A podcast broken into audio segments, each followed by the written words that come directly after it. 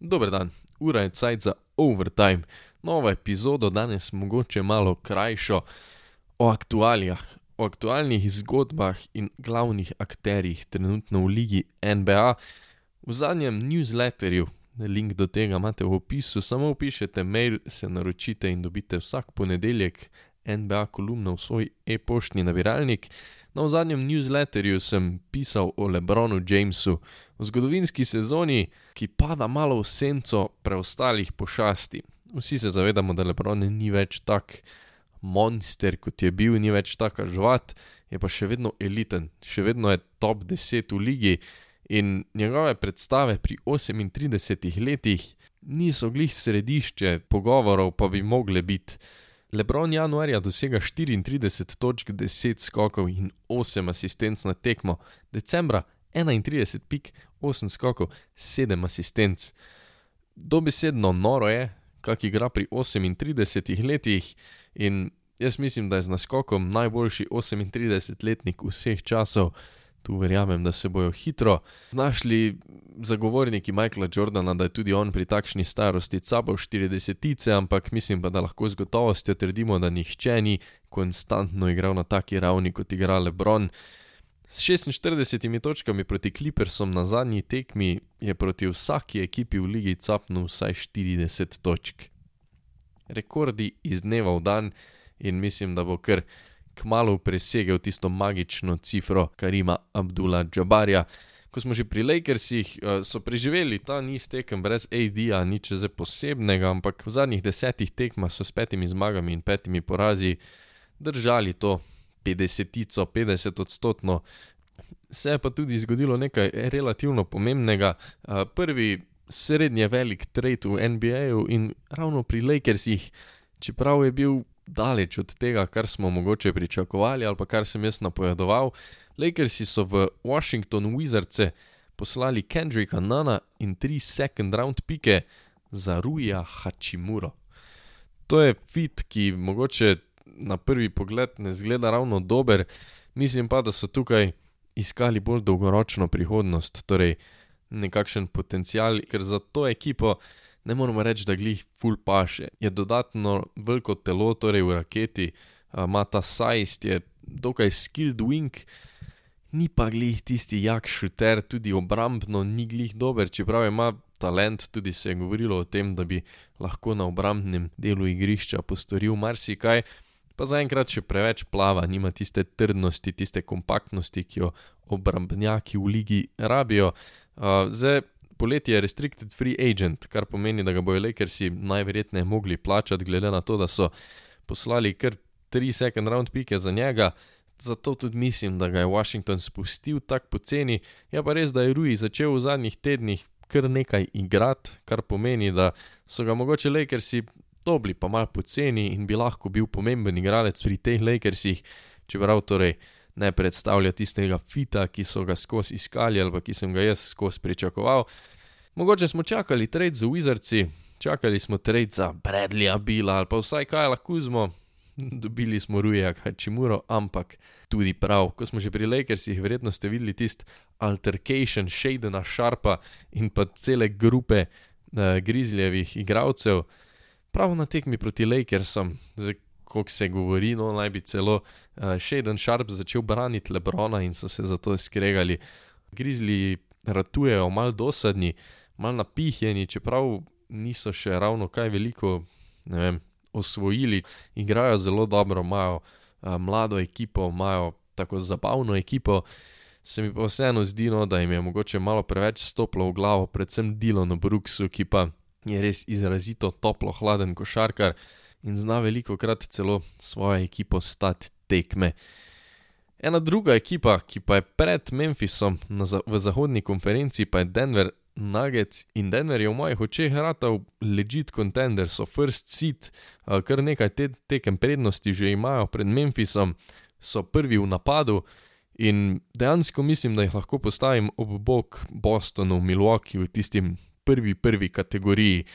Zaradi tega, ker imajo norega Nikolo Jokića, ki je sicer strelsko nekoliko upadel, ima pa veliko več asistenc, tako da je njegov napadalni vpliv praktično, lahko rečemo, enak, mogoče še boljši. Dobil je nazaj Michaela Porterja, Juniorja, dobil je nazaj Jamala Murraya in dobil je nazaj veliko, veliko svoje pomoči, poleg tega, da naprimer Aaron Gordon igra vrhunsko, pripeljali so Kentaviusa Caldwella Popa, ki res pašel v to ekipo, pripeljali so Brusa Browna, ki dvigne obrambo na nov nivo in Denver Nuggets so fucking dobri. Denver Nuggets mislim, da imajo legit šanso, da letos osvojijo. Nikoli v Jokičevi karieri še niso bili tako blizu, oziroma tako kompletna ekipa, po mojem mnenju. Zaradi tega, ker Jokič igra mogoče celo bolj kompletno igro, ne iztroši se tok, ne rabi tok sam narediti, hkrati pa sam dodaja tem svojim predstavam. In na nek način bi rekel, da je celo spet stopil v spredje za MVP-ja, da ima možnost usvojiti tri MVP-je zapored, kar bi se zgodilo prvič po Lerju Brdu.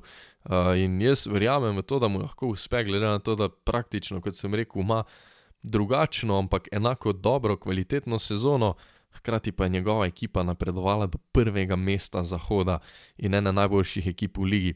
Tako da Denver Nuggets, legit contenderi, svaka in dala. Uh, kar se tiče Dallasa, ki ga verjetno moramo omeniti, Luka drsi po lestvici MVP kandidatov. Ne bom rekel, da glede za to, tega, ker so njegove predstave tako padle, kot to, da je ekipa res bugarajč. V zadnjih desetih tekmah so zmagali samo tri srečanja, kar basically pomeni, da so 30 odstotni na zadnjih desetih tekmah. Potem, ko jim je začelo iti dobro, ko je že izgledalo, da up, pa bi lahko nekaj storili. In vedno več se govori o tem, da je Luka dejansko začel pritiskati na vodstvo, da se morajo izboljšati. Čeprav jaz upam, da tu ne bo šel čez mejo okusnega, je po eni strani tako pravne, da se se mora zbuditi, ker v zadnjih letih se ne proslavljajo s svojimi menjavami, zdaj pa imajo dosti trade assetov, da lahko vsaj preoblikujejo ekipo in postavijo mogoče bolj solid, kompaktne košarkarje v Bluko, ki ima noro sezono, pa ga svoji igralci večkrat pustijo na cedilu. Pogovarjati pa se moramo in se bomo o Sacramento Kingsih, ki so tretji v zahodni konferenci. To je v veliki meri zasluga glavnih zvezdnikov, pa tudi Majka Brauna, trenerja, ki je bil slabih deset let nazaj, praktično že na robu svoje NBA coaching kariere. Leta 2014 je bil odpuščen pri Clevelandu, kar je pomenilo, da je bil odpuščen tretjič v štirih letih, kar se tiče torej vloge glavnega trenerja.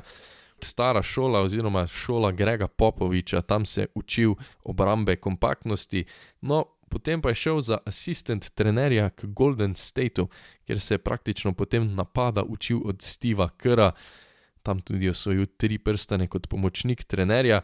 In lani je Sacramento z 30 zmagami že 16 leto zapored izpadel iz končnice, oziroma se ni uvrstil v končnico, letos torej na tretjem mestu, in vse kaže, no, da se nimajo namena upočasniti zelo, zelo dobro poslovanje front officea je tisto, kar je praktično pripeljalo Sacramento tako daleč.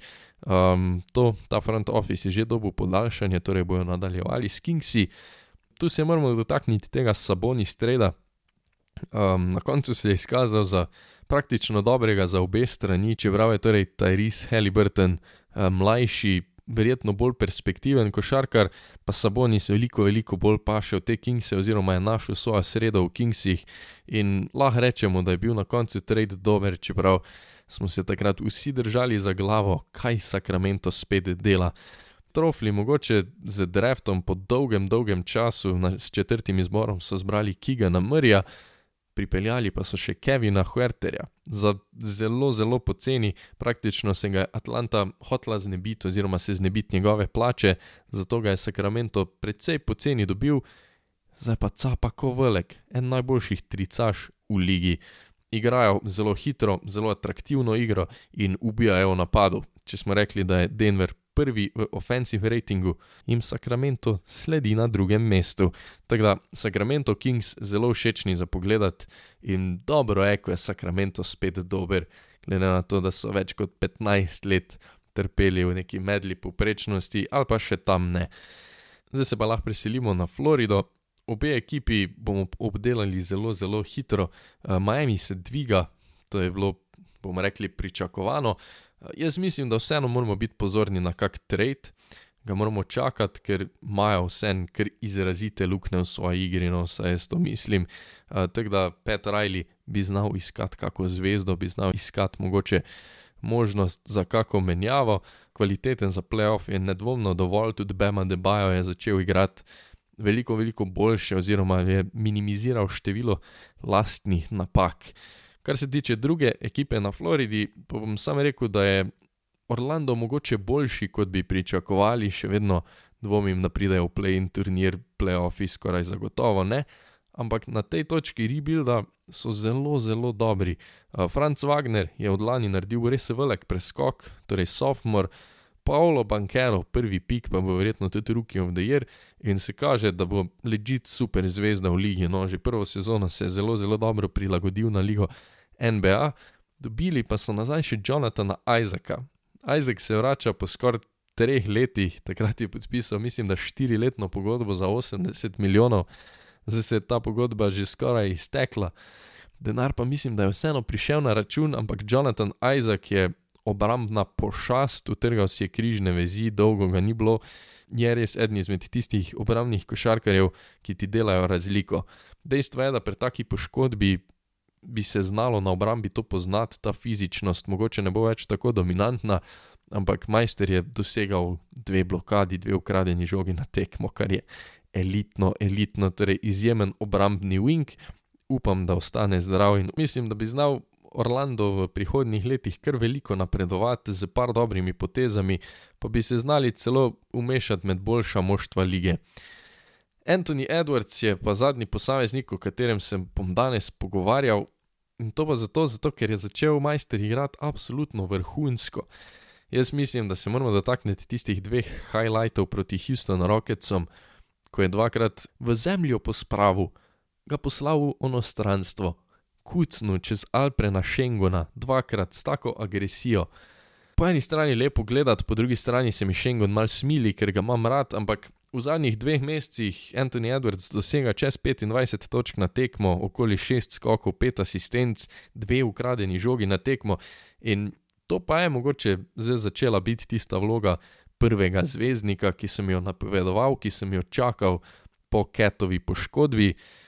Je pa tule torej tista velika zvezdica z velikimi rdečimi črkami zraven piše, da je to kar velik problem.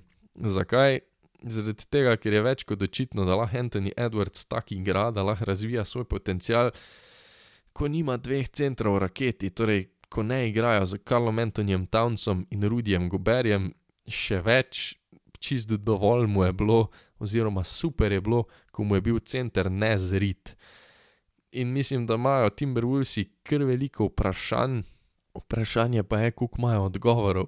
Um, in mislim, da letos ne pričakujem nekega baš trada, zaradi tega, ker vseeno nismo, nismo še videli pravih Wolvesov, nismo še videli, kako bi dejansko ta trio lahko deloval, ampak zdi se, da si preveč hodijo po prstih, da bi lahko vsi trije, torej in Rudy Gobert, in Karl Anthony Towns, in Anthony Edwards, razvili svoj potencial, če igrajo skupaj. Mi je pa zelo všeč, da Anthony Edwards dejansko igra tako, ko zna igrati, da napada, da je agresiven in da capa kot velik. To je to za danes, kot sem rekel, mogoče malo krajša epizoda. Hvala pa vsem, ker poslušate Overtime. V opisu imate že omenjen link do e-mail liste, noter pišete svojo pošto, res je simpel in dobite NBA kolumno vsak teden v e-poštni nabiralnik, še lahko kaj preberete. Lahko preberete kadarkoli hočete, je pa res preprosto, nič ne rabite iskati, sam preleti. Uh, lahko me pofollowate tudi na Twitterju, tam sem Lukas Karlovnik, tudi na Instagramu do vsega in absolutno do vsega imate linke v opisu te epizode. Res iz srca cenim vašo podporo, ogromno mi pomeni, zelo sem vesel, če overtime komu priporočite, če se naročite, to največ pomeni, seveda, pa tudi, ko ga delite. Hvala, beremo se v ponedeljek, slišimo se danes teden, bodite mi pa naravnost čudovito.